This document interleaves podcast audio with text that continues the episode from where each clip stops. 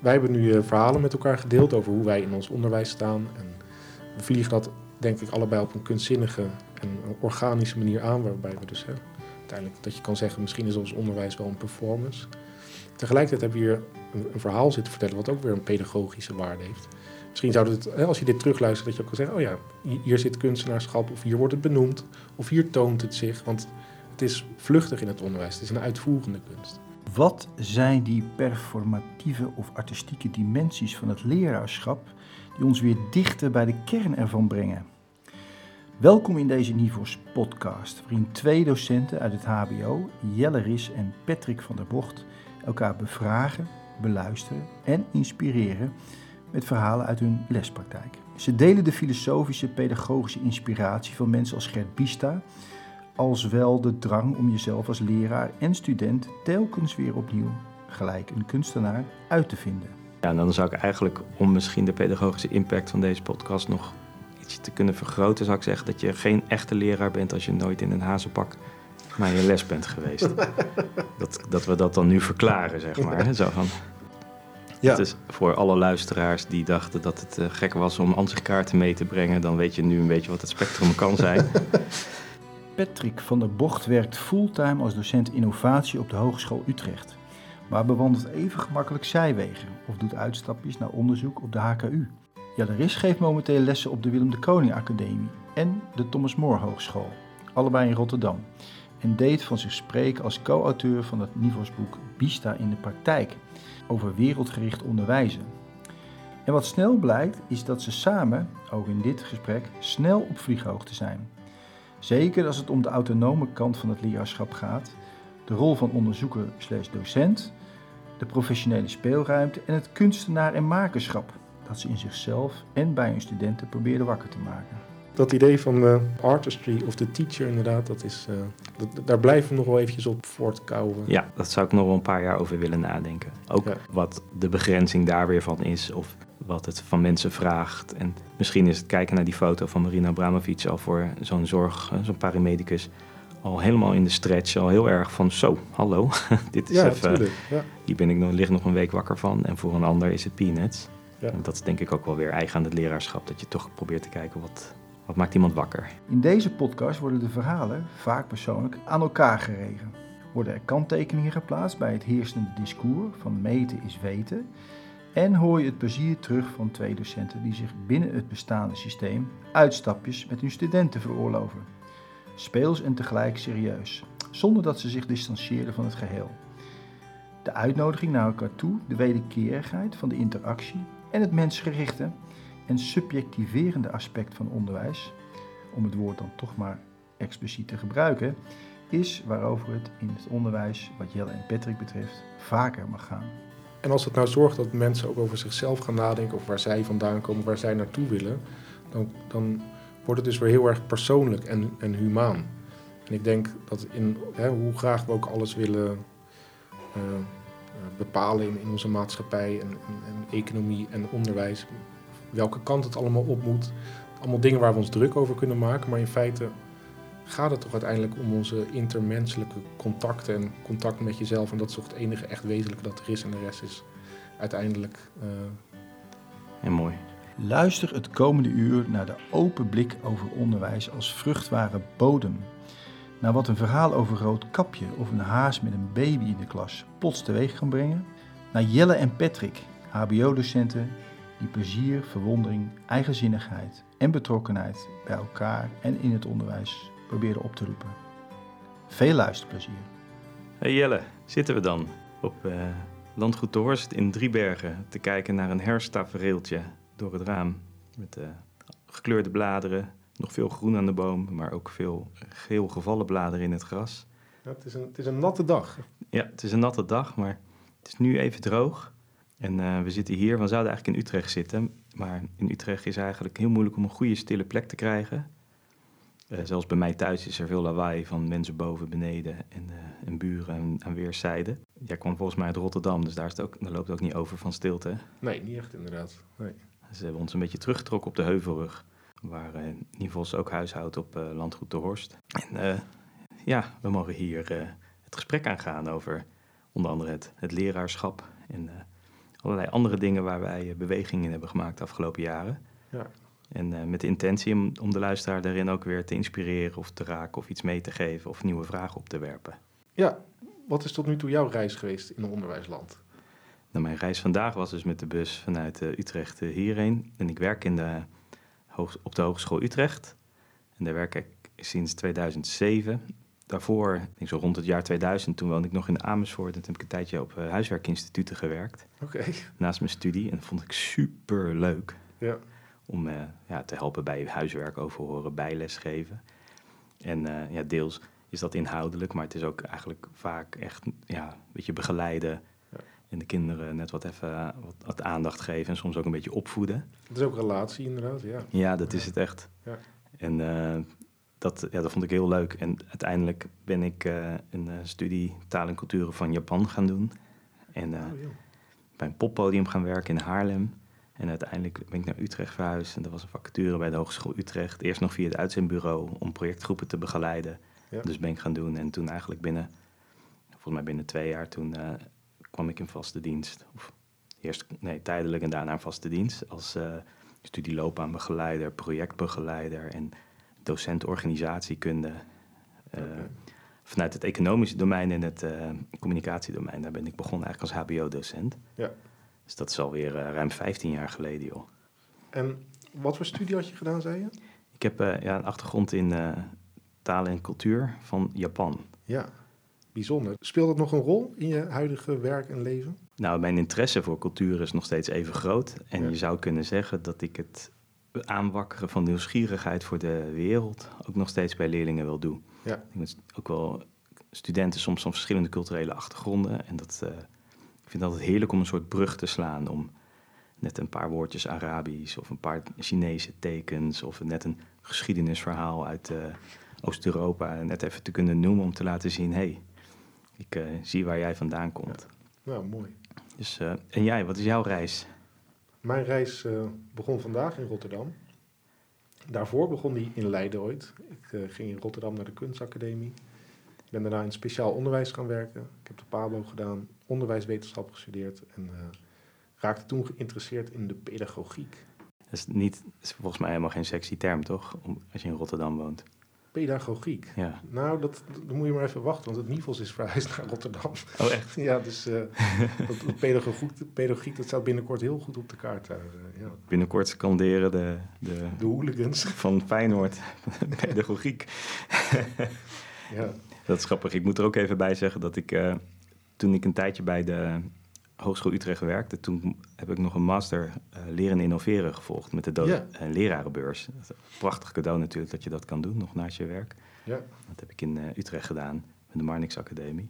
Dus daar ben ik ook wat meer in aanraking gekomen met de huidige stand van zaken in de pedagogiek en de onderwijskunde. Ja. Dus dat is denk ik waarom wij soms als elkaar treffen zo heel snel op, op vlieghoogte zijn met elkaar in een gesprek. Ja, dat klopt, ja. Een groot risico voor dit podcast.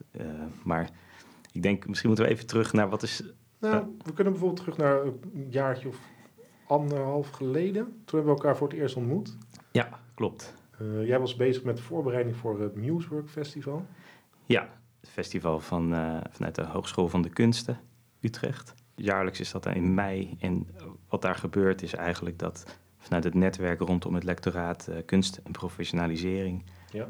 eigenlijk op, op allerlei inhouden probeert men ja, mensen samen te brengen in de vorm van workshops of naar andere manieren van uh, samenwerken in een, uh, in een week in mei. En jij deed daar ook een workshop, hè? Ja, over Bista, Bista in de praktijk. Ja. Dus Gert Bista. Dus dat is een naam waar wij allebei wel, nou ja, die we regelmatig zeg maar noemen waarschijnlijk. En waar we allebei in duiken om te kijken van wat bedoelt deze beste ja. ja, onderwijsfilosoof. Is jammer, ik kan nou niet meer vragen, Gert Bista, wie, wie is dat? Die hebt al verklapt dat ik hem ook ken. Ja, jij kent hem ook, ja. ja, ja. Nee, dat klopt. Je hebt zelfs een boek op je naam staan wat zijn uh, denken heel praktisch maakt. Voor, ja. uh, het ja. vorig jaar uitgekomen. Dus dat is eigenlijk onze tweede ontmoeting. Dus eerst was het bij een workshop en de tweede keer was hier op de, op de Horst. Ja, en eigenlijk probeerde jij het ook op een praktische manier in te vullen. deden wij in dat boek ook met, uh, met Bram Eitof en Maartje Janssens was dat. Uh, maar we deden het op andere manieren. Wij gebruikten vooral onderbreken, vertragen en uh, steunen, voeden.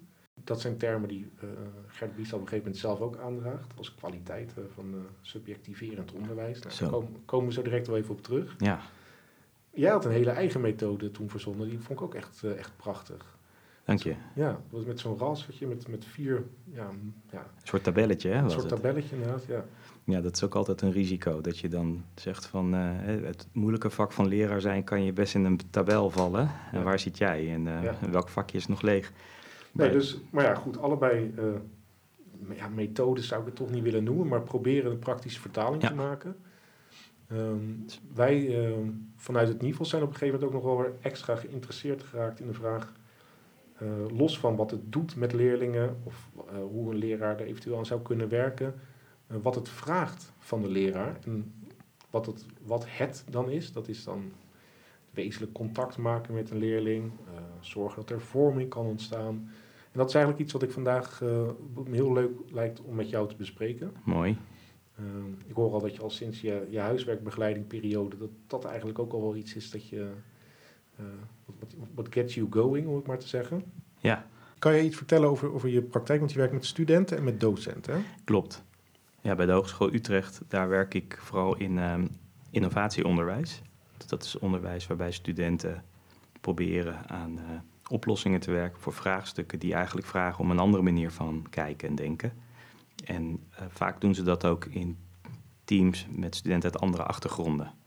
Ja. Dus, dus, dat schuurt lekker, hè? want je routines die je hebt aangeleerd, die kunnen niet meer meteen, zorgen niet meer meteen voor nou ja, succes. En ja. je zit met mensen die daar heel eigenwijs en heel eigenzinnig een kijk op nahouden die jij dan niet meteen snapt. Je zou zeggen dat is een hele mooie pedagogische situatie. Oh ja. En uh, dus daar zit ik vooral met studenten. Ik kan misschien later nog wat meer over de docenten vertellen. En uh, dus schiet me meteen een concreet voorbeeld naar binnen waar, waarvan ik denk, oh ja, dit is volgens mij uh, wat het vraagt om vanuit een soort van meer filosofisch-pedagogische interesse je studenten te begeleiden. Dus niet alleen je PowerPoint af te draaien, zoals we vaak zeggen op de, op de HU, de Hogeschool Utrecht. Ja. De lesboeren. Of uh, nou ja, je, je, je, kunstje doen. Maar echt uh, de studenten proberen verder te, te brengen. Ja. Dus ik moet denken aan een student die laatst uh, een opdracht had gekregen, samen met zijn groep, van een opdrachtgever. En nou, daar waren ze geweest, ze hadden een briefing gehad, zoals dat heet. En de volgende dag, toen kwamen we bijeen in een klein kamertje. Uh, een soort projectkamertje. En uh, zij, nou ja, gingen daar zitten, ik ging daar ook bij zitten. En ik zei van, uh, luister, ik ben niet zozeer hier nu de docent die gaat vertellen hoe het moet. Maar ik ben een soort van ja, sparringpartner. Dus ik ga graag met jullie het gesprek aan en stel vragen om te kijken wat, er nodig is. En dus ik vroeg, ik dacht van, misschien kunnen jullie eerst even vertellen, wat heeft het opgeroepen? Dus waar zit je nu met je denken als je die briefing hebt gehad? Dus de eerste drie mensen die vertelden even van, nou, ik zit hier aan te denken, een ander dacht daaraan. En toen kwamen we bij één student uit. En uh, die was aan het praten en ik voelde me tijdens het verhaal, voelde ik mijzelf een beetje zo ja, naar boven getild op zo'n plek van, en nu ga jij Patrick vertellen zometeen wat we moeten gaan doen. Dat gebeurde echt tijdens ja. hoe hij dat begon uh, ja, te framen. En dat ging ook over vooronderzoek doen. Ik zeg, ja, dus ik wil weten, moet ik nou 30 interviews afnemen of drie? Moet ik die methode gebruiken of die? Ja. Het, elke, elke leerkracht herkent dit. Ja. En toen zei ik iets, en wat ik terug zei, dat is voor mij echt iets wat past bij uh, wat jij dan subjectiverend onderwijs noemt, of wat, wat Gert Biesta beschrijft. Dus ik zei van, ik hoor wat je van me vraagt, maar ik ga het je niet geven. Ja. Dus dat was op zich, volgens mij noemen jullie dat ook wel eens, een soort van disruptie of een onderbreking. Ja. Dus je zag, in zijn ogen zag je ook zo van, hé, hey, even zo'n hele, hele zo'n korte flits van irritatie en daarna zoiets van, oké, okay, een glimlach. En te, maar ja, maar wanneer is het dan goed? Ja. En toen zei ik, ja, kijk, dat is nou de vraag. Hè? Die moeten jullie op tafel houden hier met elkaar. Ja, supermooi. Dus en dat, ja, dus dat moment moest ik aan denken even. Dus deze student die uh, vroeg eigenlijk naar meer methoden. Ja. En uh, die weigerde je te geven, waardoor hij dus zelf moest gaan bepalen wat is eigenlijk goed. Eigenlijk wel, ja. En of de vraag naar het goede, inderdaad, dat je die moet, serieus moet blijven stellen. Van wat is hier goed om te doen? En dat je, ja. ze zit in een groepje. Dus dat het ook een, een vraag is waar je alle, hè, zij alle vier moeten de kans krijgen om daar iets over te zeggen. Ja, ja, ja. En uh, nou, dat is misschien een moment wat heel veel mensen herkennen in hun werk. Hè, de, de- een wedervraag stellen of het, de bal terugleggen bij de student. Ja. En dat heeft voor mij wel echt iets te maken met eh, waar in het, zeker in het HBO-onderwijs, meer van mag gebeuren. Dat je dit serieus eh, ziet als een belangrijk moment om die student te wijzen op wat hij zelf kan.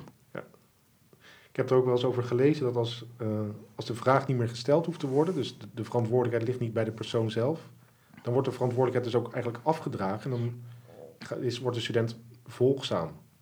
Toch? Eh, Ja, en dat, dat, dat kan eh, hele ja, onhandige situaties opleveren, lijkt Ja, me. nou zeker als je. Dus je kan.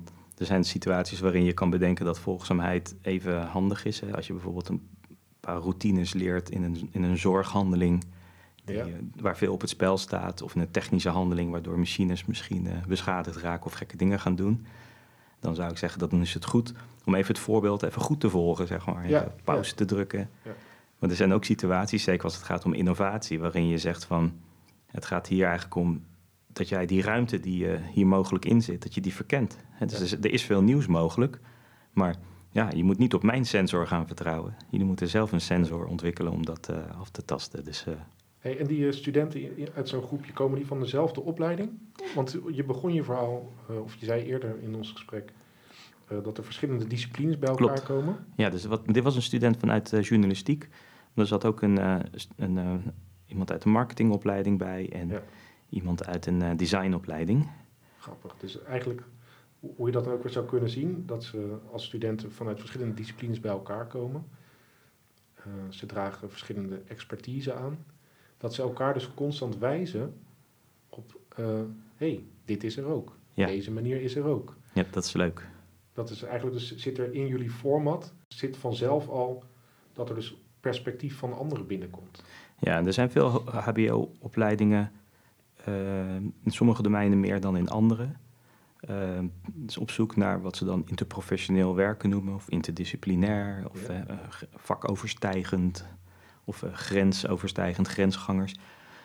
Dat zijn woorden die je vaak terug hoort bij, in, zeker bij innovatieonderwijs. Maar je ziet het bijvoorbeeld ook wel eens terug bij zorgopleidingen, waarbij ze de behandeling van de patiënt niet alleen meer vanuit één specialisme willen bekijken, maar meerdere medisch specialisten samen rondom een aantal vraagstukken laten samenkomen. Dus eh, er zit een soort van urgentie in, in dit type vraagstukken, in beroepen of in de samenleving, die vraagt om andere perspectieven bij elkaar te brengen. Ja. Maar ja, dat, dat doen dat is, en dat uithouden, dat is super moeilijk. En dus dat vraagt ook van bedrijven die daar serieus op inzetten. Dat noemen ze ook co-creatie bijvoorbeeld. Dat vraagt ook heel veel eh, begeleiding en training. In het HBO eh, proberen we dat ook te doen. Maar ik ben Ja. zelf altijd nieuwsgierig van ja, we zijn niet alleen aan het trainen. We hebben ook een eh, pedagogische opdracht. Ja, want ehm, zo'n format is dus mooi. Dus er is een mogelijkheid dat er nieuwe perspectieven in komen. Dat studenten ergens op worden gewezen wat ze nog niet wisten. Wat mo- moeite is om aandacht aan te besteden. Gebeurt dat dan ook daadwerkelijk? Want een format is leuk, maar leidt het ook zeg maar tot ehm aha-erlebnissen, om maar eens iets te zeggen? Of dat, eh, dat, ze, dat je van studenten terugkrijgt dat ze het op die manier nooit hadden bekeken. Of dat juist het conflict zorgde dat ze tot eh, zichzelf overstegen bijvoorbeeld. Ja, uiteindelijk wel. Het is dat, maar dat is niet direct, hè? Niet zo van na afloop van dit gesprek. Oh, wat fijn dat jullie hier anders naar kijken. Dus altijd gewoon eerst veel irritatie, want het gaat niet efficiënt. En Ja. hoe, yes, waarom doe jij, waarom zeg je dit? Dit is toch raar? Ja. Dit, vind je dit niet logisch?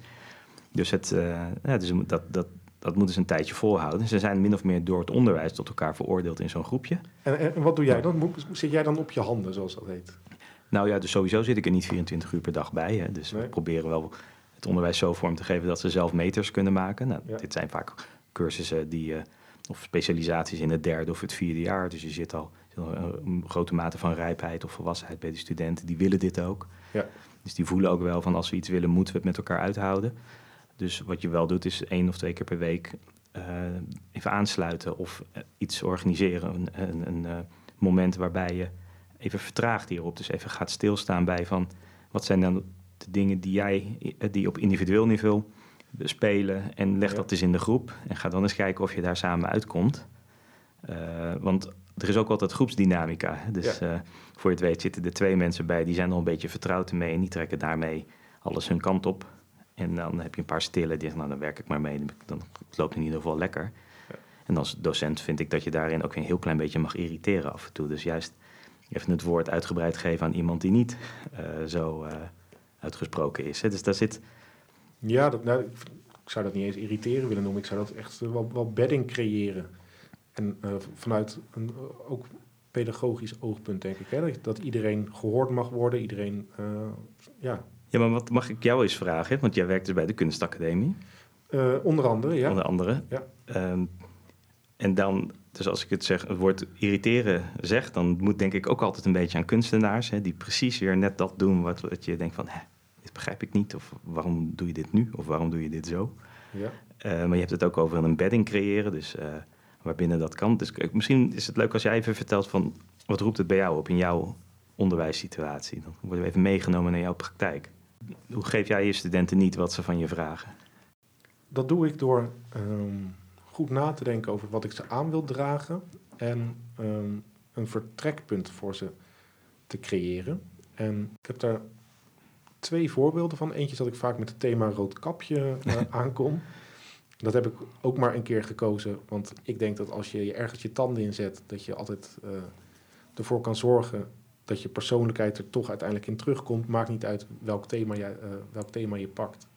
En dat wil ik ook naar mijn studenten uitstralen. Sommige studenten, als je ze een ontwerpopdracht geeft voor onderwijs, gaan ze heel moeilijk zitten wikken en wegen. Wat gaan ze nou kiezen? En, wat voor type ontwerpopdrachten geven jullie meestal? Waar moeten we aan denken? Um, ik werk op de kunstacademie bij de leraaropleiding. Dus het gaat meestal over het ontwerpen van lessen of lessenseries of een excursie. Ja, dat, dat soort dingen. Ja.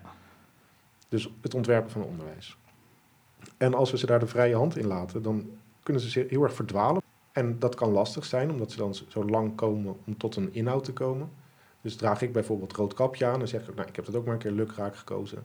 Ik ga voorlezen, bijvoorbeeld uit een, uh, uit een boek waar rood kapje in de grote stad rondloopt. Er zit ook een hele mooie pedagogische opdracht in, omdat ze allemaal mooie winkels ziet. En uh, tegelijkertijd wel naar de oma moet komen. Dus uh, ze heeft last van zowel interne als externe prikkels. En kan ze toch dat pad blijven lopen? Nou, dat, volgens mij is dat hartstikke pedagogisch. Maar vervolgens vraag ik aan de studenten: joh, uh, hoe zou je hier nou onderwijs op kunnen eh, ontwerpen op basis van dit thema? Maar dan wil ik wel dat jullie het koppelen aan een maatschappelijk uh, relevant thema. En dan wil ik ook dat jullie eens even kijken naar dit, uh, naar dit verhaal en bezien in welke mate dit inclusief is. Gaat het hier weer over een meisje dat verdwaalt, dat door een masculien figuur gered moet worden? zo ja, zou dat ook anders kunnen en hoe dan? Dus ik ga allemaal echt eh, prikkelende vragen stellen. Ik hoop prikkelende vragen. Waardoor die studenten eerst alsnog gaan verdwalen. En dat is ook even helemaal prima. Maar zo uh, vraag ik hen dus uh, zich te verbinden met een thema en dat op een eigen manier aan te vliegen. Dus als ik het goed begrijp, dan in plaats van dat je tegen hen zegt van hier is een open ontwerpopdracht, hè, bedenk een les, zeg je van ik lees jullie even voor uit een uh, verhaal. Hè, het is een Klopt. sterk thema, een rood kapje. Ja. Ga even met me mee. En dan daarna zeg je van, op, op basis van dit thema moeten jullie nu gaan kijken, wat zou ik hier ja. kunnen ontwerpen? Ja het, vorm, ja, het vormt een kader dus ik, en, um, en een vertrekpunt. En dat vertrekpunt voed ik door allemaal vragen te stellen.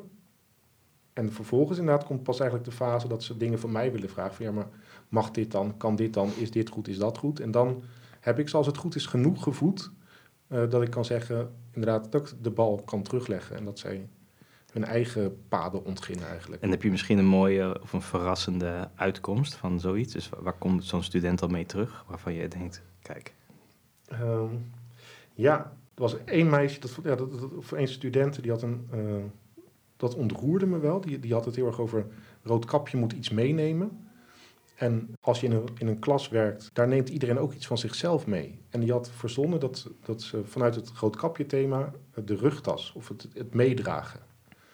En zij uh, ontwierp een les waarbij alle leerlingen uit de klas iets mochten uh, opschrijven over wat zij meedroegen in hun leven. Ze, stelde voor om de leerlingen uit haar klas te vragen op te schrijven wat zij in hun leven meedroegen.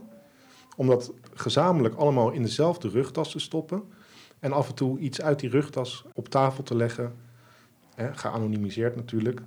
Met als doel dat inzicht te creëren dat iedereen iets meedraagt, maar vooral ook dat wat we met z'n allen meedragen, dat we dat ook samen kunnen dragen. En ik vond dat zo ontroerend.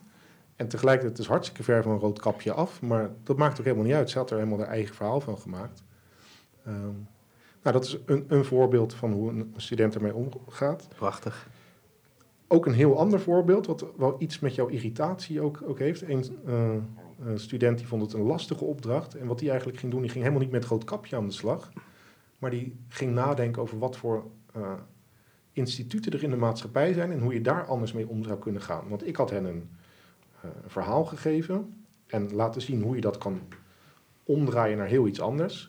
En hij heeft dat hele verhaal losgelaten en hij ging dus nadenken over maatschappelijke dingen en dacht, oh ja, musea, kinderen, kinderen vinden musea vaak saai, weet je wat, ik ga met mijn klas bespreken, wat vinden jullie een museum en waarom vind je dat wel of niet leuk? En zullen wij dan van de klas uh, het museum maken waar jullie super blij van zouden worden? Dus hij pakt alleen maar het, het element van we gaan iets helemaal omdraaien. Nou, dat staat ook weer heel ver van de originele thematiek af, maar dat was, uh, ja, dat was ook super origineel. Dus ja, dat, uh, de studenten kunnen het eigen invullen en dat is toch ook wel weer... Tof zeg. Ja. ja, dus daar zit... Misschien klinkt er dan enige jaloezie door in mijn stem. Dus dat je op zo'n uh, zo'n kunstopleiding, dat je daarin ook ja, je kan ook komen met sprookjes als startpunt. Hè? Dus dat, ja. het kader dat je zet, dat mag ook gewoon een werk zijn, een kunstwerk uh, of, een, uh, ja. of een fabel. En dan dat dat dus kennelijk ook genoeg doet bij die studenten, zodat ze denken van, oh ja, ik, dankjewel voor de ruimte, daar ga ik nu iets mee doen. Ja. Zie je ook wel eens dat, dat het anders loopt, maar dan je zegt, oh ja, dit, dit was te weinig kader of te veel kader? Of, of gaat het eigenlijk altijd goed? Studenten hebben vast wel eens moeite met de opdrachten die ik geef. Maar uiteindelijk, uiteindelijk is er genoeg kader en voeding. Ik heb nog een, een ander voorbeeld waar, waar, studenten gemixt op reageerden. Vorig jaar, en dat is eigenlijk, sluit ook weer aan op je vorige vraag, uh, zat ik in de deeltijd. En uh, het zijn studenten die allemaal een kunstopleiding hebben afgerond, maar leraar willen worden. En uh, die vroegen heel erg om didactische lesvormen en lesvoorbereidingsformulieren. En hoe kunnen we dit nou zo goed mogelijk dicht timmeren. Ja, dus die wilde heel erg, weet je wel, die voelde zich onzeker, dus die wilde, die, uh, die wilde grip. En als reactie daarop, uh, uh, wij gingen toen naar een, een, een, nieuw project toe en daar zou ook een boekje van Bista behandeld worden, door kunst onderwezen willen worden. Ja. En dat begint met de performance van Jozef. Dat, daar begint dat boekje mee met allemaal foto's daarvan en die legt aan een dode haas schilderijen uit. Ja. En dat doet Jozef Beuys om um, ja, een soort als ode aan de natuur en weg van het rationalisme en het technische denken en uh, dat soort zaken. En toen dacht ik, oh ja, die studenten zitten nu precies heel erg hier om te vragen. Zo, zo ervaarde ik dat in ieder geval. Um, ik, uh, ik ga als haas verkleed, want ik vond de dode haas een beetje... Uh, dat, ja, dat, dat, dat, die hoefde voor mij niet. Ik dacht, als ik nou als haas verkleed verkleed ga en uh, mijn baby meeneem, die was toen zeven maanden, neem ik die mee naar de klas. En dan nodig ik de studenten uit om uh, voor mijn baby uh, iets te creëren. En dat had ik ook. Ze, ze wisten niet dat er een baby naar de klas zou komen, maar ze hadden wel de opdracht van mij gekregen. Ik nodig jullie uit om in twee minuten iets te creëren. En wat wilde ik daarmee laten zien? Ik wilde ze uit hun hoofd halen en meer naar de kern van beeldend onderwijs. Dat je laat zien dat, dat mensen kunnen creëren. Dat we beeldend vermogen hebben. En dat er vanuit niets iets kan ontstaan. En dat, dat liet ze dus zien aan mij in hazenpak en mijn baby, die eigenlijk alles alleen maar wilde aanraken en in haar mond stoppen en weet ik het wat. En dat, mhm. nou, dat sloeg ook best wel mooi aan eigenlijk op, eh, op dat boekje. En daar waren sommige studenten, uh, uh, hebben daar hele mooie dingen over geschreven in een enquête die ik erover had gehouden. En andere studenten uh, die, konden, die, ja, die, die, die snapte het niet, die vond het een beetje irritant. Zei, was de kinderopvang dan uh, dicht vandaag? Die, die, die zagen het als... Ja, die, die kon daar niet zoveel mee, maar dat is ook, ja, dat is ook niet zo erg.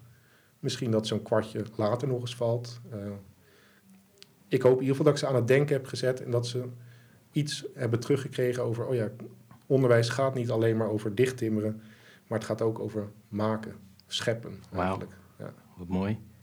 Het is, ik zit me dus nu voor te stellen hoe jij in een hazenpak met een baby op je arm.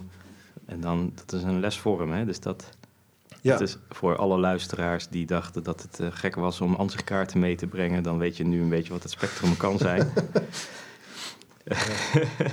het is wel de, nou, wat dat betreft, je, je werkt ook bij een kunstopleiding. Je hebt ook een kunst. Je bent zelf ook kunstenaar. Dus eigenlijk, Ja, je, je hebt een tijdje geleden hebben gestuurd. Ik heb eigenlijk drie mooie rollen die nu samenkomen: onderzoeker, leraar en kunstenaar. Ja. Dus, dus dat je een enquêtetje uitzet, daar zit misschien die, die nieuwsgierigheid van die onderzoeker achter. Van, Zeker, ja. Ik, ik, ik hoop hier ook nog wel eens een keer over te gaan schrijven, inderdaad. eh, op basis van wat er uit die enquête terugkwam. En, eh, misschien dat ik het ooit nog wel een keer doe als, me, als mijn kind een jaar en zeven maanden is. Dat ik haar weer meeneem. ja, of als je dat boek, dus dat het wereldgericht onderwijzen. eh, en dan voor de praktijk hè, van Bista, dus wat Ja. vorig jaar verscheen. Dat eh, zou dit voorbeeld daar ook in hebben kunnen staan. Met de haas en de baby op de arm. Zeer zeker. Ja. ja, dat had wel gekund, ja. Nou, we, we probeerden toen dat het, werk, het theoretische werk van Bista handen en voeten te geven voor leraren in de praktijk. En dat deden wij vooral door te letten op wanneer vindt er een onderbreking plaats. Of wanneer zou je kunnen zeggen dat er... eh, Dat is een onderbreking, die haas met die baby. Dat kan niet anders. Dat is niet wat zij verwachten. Dat zag niemand aankomen. Misschien jij zelf nog niet eens de dag van tevoren. Eh, dat, dat groeide die week daar naartoe. naar. Zal ik dit doen? Zal ik dit echt doen? Ik, ik voelde me weer een beetje terug alsof ik zelf op de academie zat. Ja. Maar dan nu als docent. Ze kregen wel energie. En had zelf je dat hazenpak liggen of heb je dat hazenpak speciaal eh, gehuurd? Eh, dat heb ik aangeschaft. Ja, dit is met voorbedachte raden echt Ja, zo ja. ja. Het is Fantastisch. Ik moest ook even denken aan, eh, dat is wel, ik vind het wel mooi dat jij dus dat, dat die vraag om het dicht te timmeren, hè, om ruis en onzekerheid weg te halen, wat Ja. een hele begrijpelijke behoefte is van mensen die op nieuw terrein komen, Ja. die we zelf waarschijnlijk ook eh, af en toe ervaren. Ik ga altijd tekenen en uitzoomen, dus dat is mijn reflex. Ja. Eh, dat ik bij de Hogeschool Utrecht ook probeer om dat te adresseren. Hè? Dus je moet je voorstellen dat die hogescholen, die hebben eigenlijk sinds eh, toen nou, dat in Holland gebeuren met die diploma's, zo'n tien jaar geleden, dat is een soort van schok doorheen gegaan van, oh jee, is, is wat we doen nog, hè, de uitspraak niet doen, zijn die nog wel valide? Ja. Zijn die diploma's nog wel valide en betrouwbaar? En dat heeft gezorgd voor allerlei ja, bewegingen om eh, die controle over, over leerdoelen, toetsen en de, en de lijn daartussen eh, te vergroten. Examencommissies hebben meer macht gekregen. Ja. En het grappige is dat als je dan nu met Gert Biesta komt, dan, dan steek je daar in één keer dwars doorheen een andere kant op. Want eh, kijk, dat kwalificatiegedeelte, dat is volgens mij inmiddels in eh, HBO-land aardig, heeft men daar eh, grip op gekregen. Ja. En, en, en dat de student socialiseert, daar heeft men ook wel oog voor. Maar dan, dus dat derde doeldomein van BISTA, die subjectificatie, nou dat is echt, dat zijn er, een zeer select ge- gezelschap gebruikt die taal, zeg maar. Ja. En je moet met goede voorbeelden komen dat men ook herkent van, oh ja, dit is inderdaad, dit is, dit, dit is ook onderdeel van onderwijs. En er is een groep mensen die gewoon zal zeggen, nee, dat is niet, wij moeten gewoon mensen trainen voor beroepen en dat is het. Maar ik zou toch nog wel willen, ook binnen de gezondheidszorg of zo'n zo'n andere beroepsgroep, dat er altijd kwalificerende, socialiserende en, en subjectiverende dynamieken zijn. Altijd. Ja, en het maakt helemaal niet uit per se of die worden uitgesproken. Ik denk dat het heel belangrijk is dat, dat onderwijs ertoe leidt dat, dat eh degene die dat genieten iets, iets leren of, of iets, iets, iets beter kunnen doen en, en daarover nadenken en worden ingewijd in een, in een cultuur daaromheen en zich daartoe leren verhouden. En da, daar, de, de termen zijn helemaal niet nodig. eh, Nee, dus voor mij, zou- misschien als onderzoeker of als begeleider, kan je soms kijken van. Kijk, dat kwalificeren, dat is een woord wat iedereen direct begrijpt, eigenlijk. En socialiseren snappen mensen ook best wel goed van. Hè, dus de vraag naar wanneer tel je nou echt mee, hè, afgezien van je kwalificaties. Wat, wat moet je houding zijn? ja, Wat zijn eigenlijk de informele normen die je met elkaar deelt, eh, ja, eh, die eh, echt een goede oncologische verpleegkundige maken? En ze hebben misschien andere taal voor dat subjectiverende aspect. Hè? Dus, dat, dus misschien gaat het wel bij hen over reflectief vermogen of kunnen omgaan met beroepsdilemma's of eh, juist, eh, en daar komt die, dus dat, dat innovatief handelen, daar Ja. zit vaak iets. Omdat je dan even losgaat van de protocollen en probeert Ja. iets nieuws te doen. En direct kom je dan eigenlijk in handelingsverlegenheid, omdat je merkt dat men niet altijd begrijpt wat je wil. Of, Ja. Eh, Dus daarom vind, ben ik zo geïnteresseerd in dat innovatieonderwijs en met name in zorgopleiding, omdat ik denk dat daar, daar, daar komt hij heel mooi in beeld. Dus dat aspect van ja, de student Ja. als subject, als, als persoon die zelf Ja. zijn vrijheid kan gebruiken om eh, iets te doen. Grappig, in, dus in pedagogiek is een, een, een, wordt een handelingswetenschap genoemd. Eh, de gezondheidszorg is dat eigenlijk ook. Hè. Er Ja. wordt nageschreven om het goede te doen. En wat het goede is, is niet eenduidig. Want het kan voor die patiënt weer heel anders zijn dan voor die patiënt. Dus er is altijd een moment, er moet een moment van reflectie en bezinning zijn op eh, wat is dan in deze situatie het goede? Het grappige dat je nu je dat zegt, schiet me wel een soort haastmoment te binnen.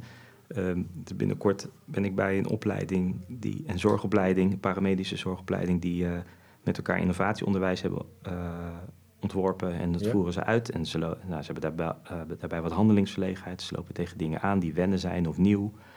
En er zijn drie termen die ik zo terughoorde. En dat is, ze willen in ieder geval dat de studenten meer mensgericht iets doen, iets interprofessioneels doen. Ja, En ze willen ook, eh, wat ik interpreteer als wat meer makerschap of eh, het, het designdenken eh daarin brengen. En toen dacht ik van, misschien kan ik de mensen, die docenten is, over die termen laten nadenken aan de hand van een foto uit de kunst. oh mooi. Ja, Dus dat, ik, ik zat zo aan zo'n foto van Marina Abramovic te denken, ja die mooi. eh, samen met haar ex-man zo naakt in de opening van een museum staat. Of die beroemde dat ze in New York zo eh, aan die tafel zit in die rode jurk en mensen heel lang aankijkt. Ja, Ze heeft er nog eentje, dan hangt ze zeg maar aan het, eh, hoe zeg je dat, aan de boog van een pijl en boog, maar aan de, het handvat van een boog. En haar man die heeft dan de pijl vast aan het koord, gericht op haar hart. En zij leunt dan achterover. Nou, dat zijn super spannende Ja. performance art foto's. Dus ik dacht van misschien moet ik die foto's bieden en dan zeggen van wil je vanuit dit beeld eens nadenken over mensgerichtheid. ja. Dus, Oh, dat, mooi zo. dus daar zit wel weer dat je de kunsten kan gebruiken soms om eventjes vanuit andere lagen of op een ander niveau na te denken over begrippen die anders heel snel in een protocolletje terechtkomen. Ja, en ook dus even, dat, eh, de protocollen hebben vaak ook namen, eh, jargon, dat al snel gebezigd wordt. Ja. En dat er niet wordt nagedacht over wat zeggen we eigenlijk. Nee, precies, want het, Ja. het ergste geval heb je interprofessioneel, eh, interprofessioneel handelen heb je in een rubric opgesplitst in vier leeruitkomsten met eh, vijf criteria en dus twintig en een matrix van twintig items van eh, zeer slecht tot zeer goed. en dan gaat het om de taal en de woorden die je daarin zet. En volgens mij moet je dat niet te veel of te vaak of te lang willen, tenzij je het heel leuk vindt te puzzelen. Maar daar, dat, dat, dat is natuurlijk niet waar het zit, dat weet iedereen. Nee. Dus eh, ja, wat roept het bij jou op? Eh, het roept er mij op, eh, eh, het, is er wel ruimte voor, voor open eindes? Zeg maar? Is er ruimte voor eigen invulling? En dat, dat, dat heb ik bij de rubric. Dat heb ik ook bij dat alignment waar we het hiervoor over hadden.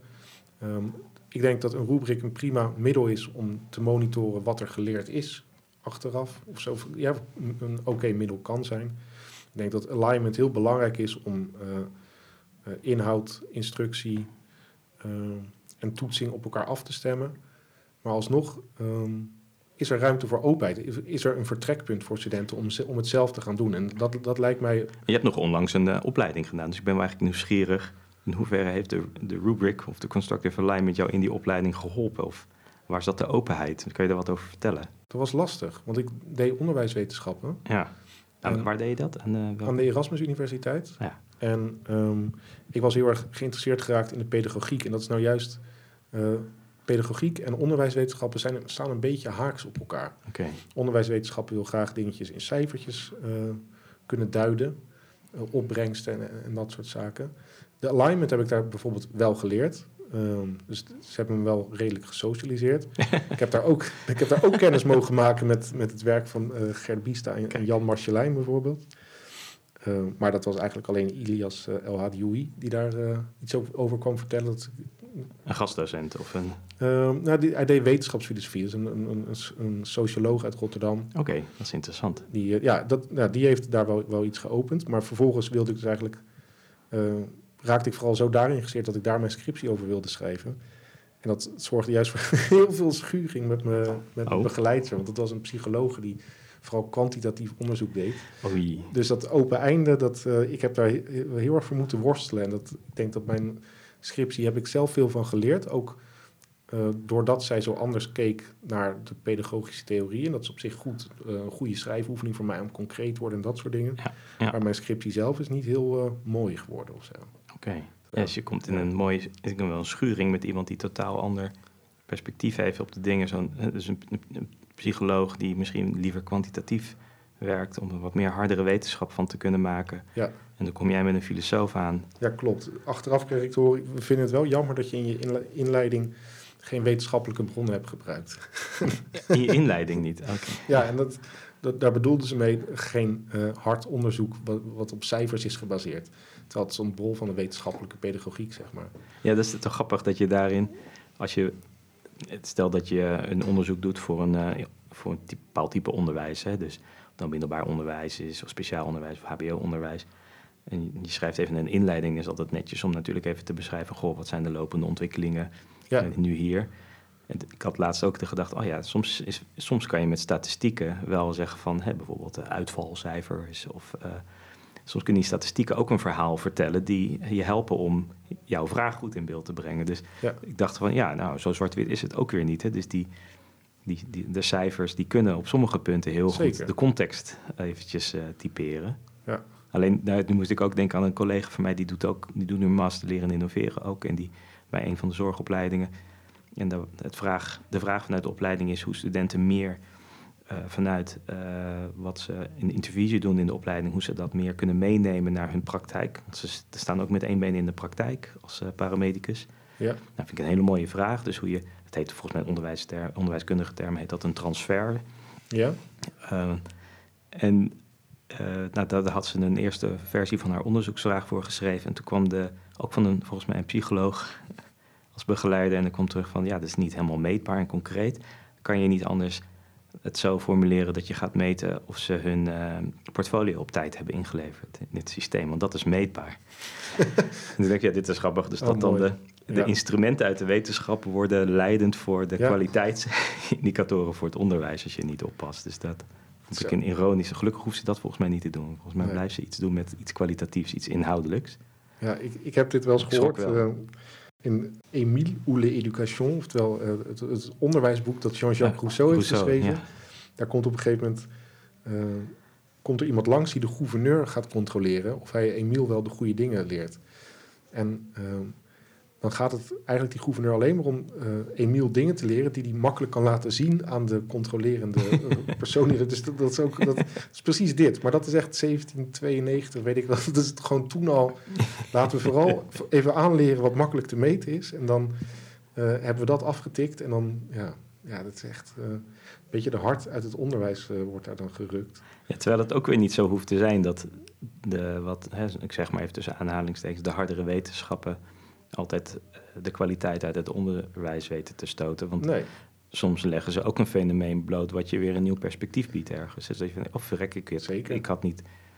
Uh, dit is een nieuw woord wat hieruit voortkomt. En dat vind ik, dat, dan vind ik dat je dat als docent altijd weer moet afwegen. Kan ik hier wat mee? Kan ik wat met het woord leerklimaat ook al... Uh, heb, ga ik dat niet opsplitsen in twaalf factoren en, uh, en dergelijke. Dus het is, het is natuurlijk waar het om gaat. Het wordt banaal als er dingen worden geleerd zodat, zodat het meetbaar is. Of als er vragen gesteld moeten worden omdat het meetbare dingen oplevert. Het zal er altijd. Uh, natuurlijk zijn er heel veel dingen die meetbaar zijn, die super interessant en belangrijk zijn om te weten of te kunnen of te doen. Uh, maar het is meer als het wordt omgedraaid, inderdaad. Ja, dat is misschien wel het thema voor dit gesprek ook. Je kan dus heel erg vaardigheden aanleren of kennis aanleren in het onderwijs. En dat is natuurlijk evident dat dat belangrijk is. Ehm, ik ben ook heel erg geïnteresseerd in de persoonlijke kant uh, van zowel de leerling als uh, de leraar. Ook weer vanwege de vraag, wat vraagt het van een leraar om een wezenlijk onderwijs te, creëren? En wat me altijd bij jou opvalt, Patrick, ik vind jou een, uh, innemend en energiek. En volgens mij kan je heel goed contact maken dat liet je ook al een beetje doorschemeren in, in, dat je, wat je zo leuk vond dan toen je huiswerkbegeleider was. Kan je daar iets over vertellen over hoe jij als persoon in jouw praktijk staat? Dus zeg maar, wat, wat van de Patrick die s ochtends thuis wakker wordt, die een heel leven lang al gevormd is door allerlei dingen.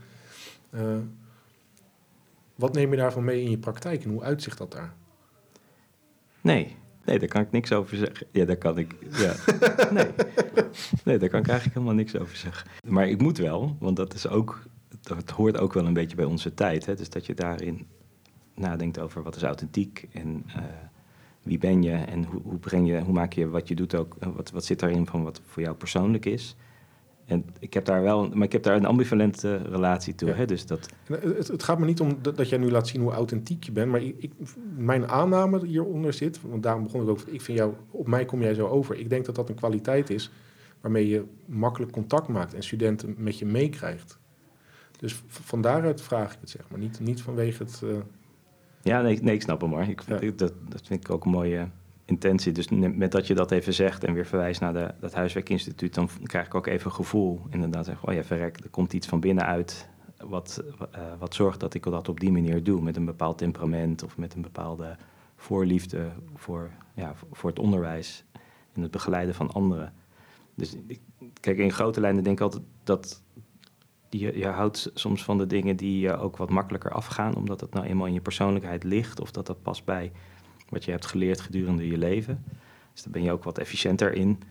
Uh, en, of dingen waarvan je, waar je je toe geroepen voelt, zeg maar. Van, en ik denk dat dat wel heel erg, dat ik dat vanuit mijn vorming heb meegekregen. Uh, tenminste, ik vertel mezelf altijd dat dat te maken heeft met mijn Molukse achtergrond, met mijn grootvader, die daarin toch ook een soort ja, vrij vrome oude Molukse man die uh, niet in het knilleger zat, maar die, hij was uh, bestuursambtenaar.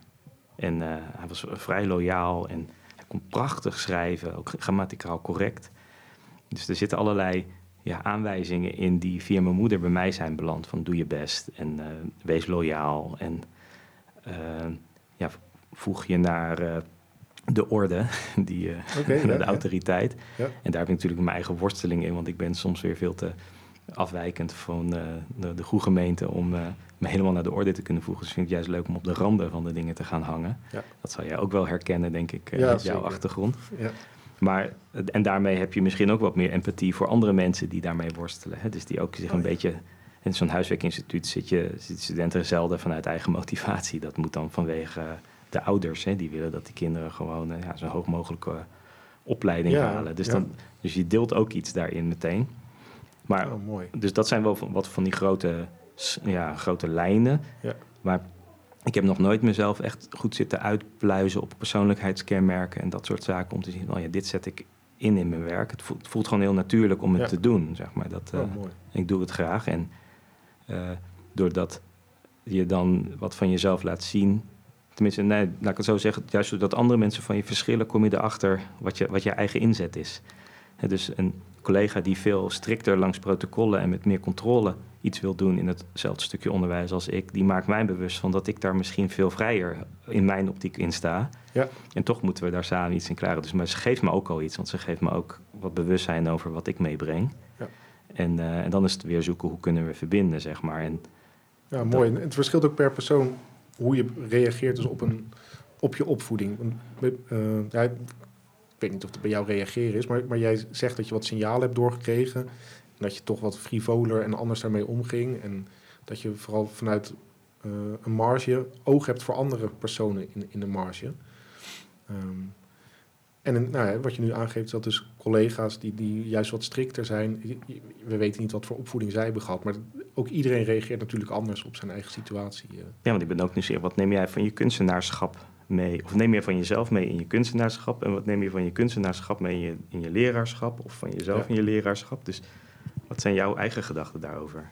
Ehm, ik neem in mijn kunstenaarschap heel veel van mezelf mee. Mijn kunst had altijd een sterk autobiografische inslag. Ehm, deels omdat ik dat uh, mooi vond, omdat ik maar één verhaal echt goed kan delen en dat is mijn eigen verhaal.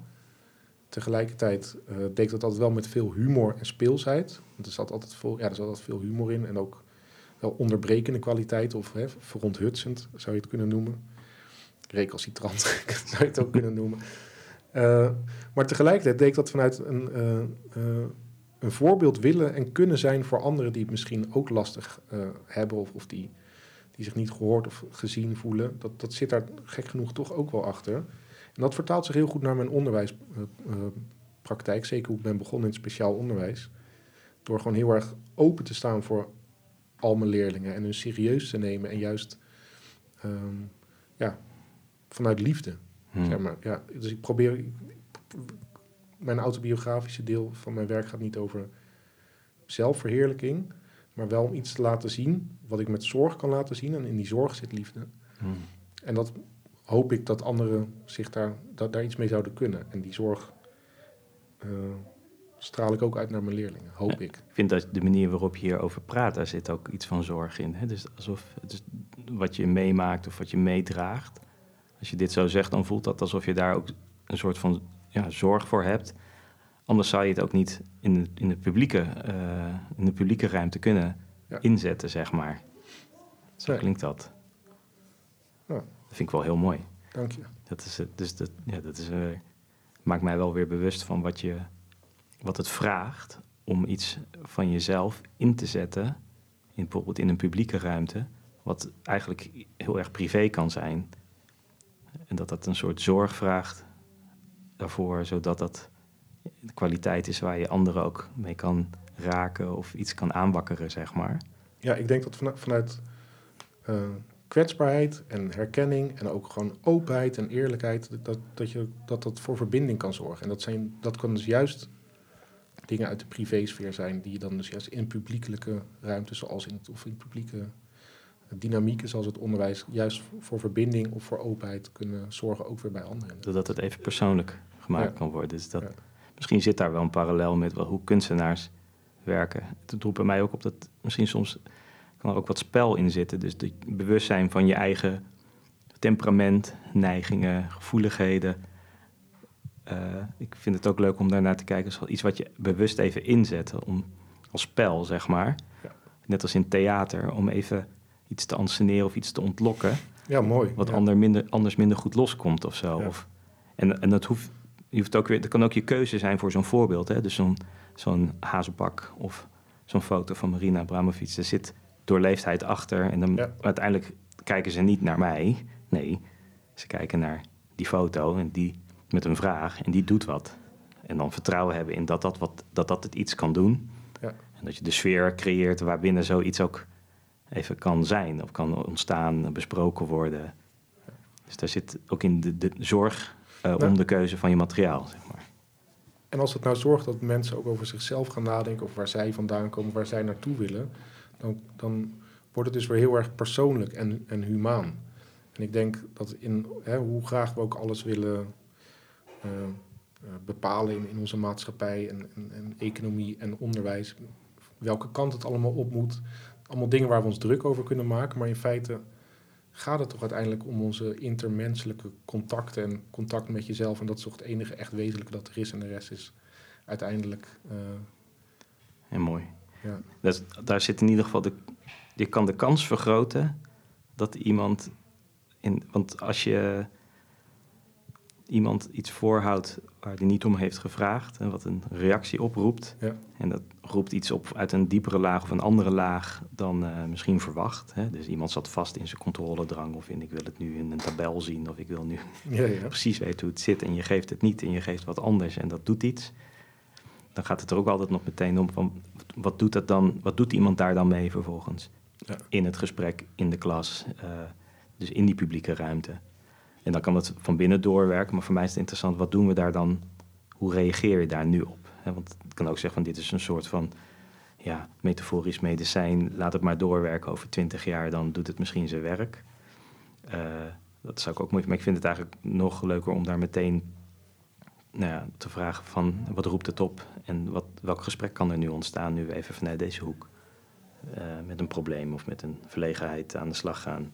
ja zo, Nou. zo zou je dat in je praktijk willen inzetten, bedoel je? Ja, Ja, ja. dat, dat zoek ik dan wel op, zeg maar, dat Ja. dat onderdeel kan worden van de interactie. ja dat is mooi. Ja. Dus de, de, de weerstand die er ontstaat, dat je die cultiveert. Ja, dat dat een, alsof als je de metafoor van de kunsten gebruikt, zou je zeggen van ik ben uit op een collectieve performance. Ja.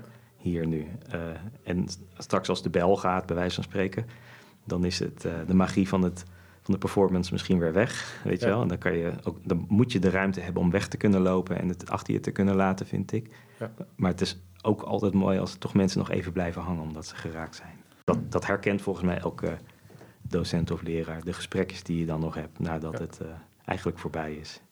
Dus het, het, onderwijs wordt in deze een, een gezamenlijke performance. Ja. Ja.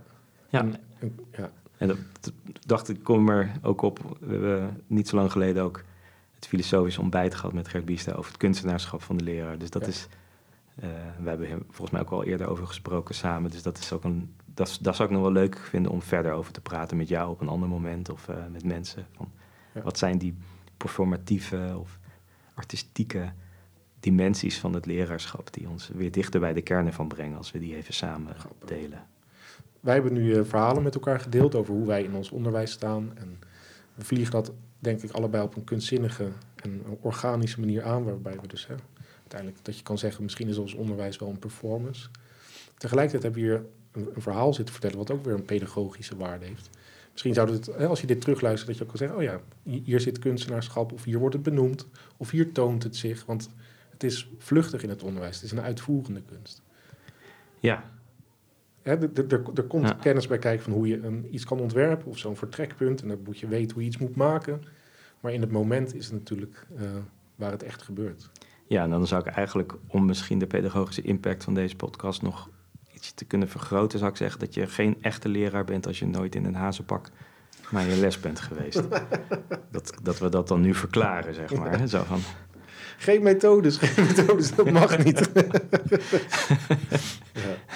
Mooi. Nee, dat, eh, dat, dat, dat idee van eh, ja, de artistry of the teacher inderdaad, dat is, eh, dat, daar blijven we nog wel eventjes op, op, eh, op voortkouwen. ja, ja dat, dat, is, dat zou ik nog wel een paar jaar over willen nadenken. Ook Ja. wat, wat de begrenzing daar weer van is, of wat het van mensen vraagt. En, want dat is volgens mij ook heel subjectief. Dus misschien is het kijken naar die foto van Marina Abramovic al voor zo'n zorg, eh, zo'n paramedicus, al helemaal in de stretch, al heel erg van zo, hallo, dit is Ja, even, natuurlijk. Ja. hier ben ik nog, lig nog een week wakker van. En voor een ander is het peanuts. Ja. En dat is denk ik ook wel weer eigen aan het leraarschap, dat je toch probeert te kijken wat, wat, wat brengt iemand hier nou net even weer, wat maakt iemand wakker. Ja, super mooi. Ik, ik proef in ieder geval een, een openheid en eh, een open blik over onderwijs, wat, wat een vruchtbare bodem kan zijn, waar dingen uit kunnen ontstaan. En dat, dat vind, ik een stuk, vind ik zelf een stuk prettiger idee dan dat je van tevoren allemaal weet waar het onderwijs naartoe moet leiden. Ja, Want hoe, hoe kan je dan niet in herhaling vervallen eigenlijk? Hè? Nee, precies. Misschien moeten we de psycholoog in een hazenpak meebrengen naar het onderwijs trouwens. Ja. nou, het- ja, ik vond het super tof om Ja. hier, eh, hierover te spreken. Dus ik, we zitten nu ook volgens mij op een punt... We zouden nog rustig een uur verder kunnen gaan... maar ook rekening houden met de mensen die luisteren. Nee, Ik zeker. ben heel benieuwd wat die vinden. Ja. Dankjewel. Dankjewel Patrick, echt eh, mooi om zo te praten. En eh, nou, weet je wat, we doen, gewoon, we doen gewoon de microfoon uit en dan praten we nog even verder. Hè? is goed. Oké. Dit was weer een aflevering uit de Nivos podcast-serie. Op ons eigen Nivos-kanaal vind je meer dan 60 podcasts terug. Via Spotify en Apple Podcasts kun je je abonneren, zodat je geen aflevering hoeft te missen. Stichting Nivos sterkt leraren en schoolleiders bij de uitvoering van hun pedagogische opdracht. Alles over wie wij zijn, over onze activiteiten, over de opleiding en de trajecten vind je terug op www.nivos.nl.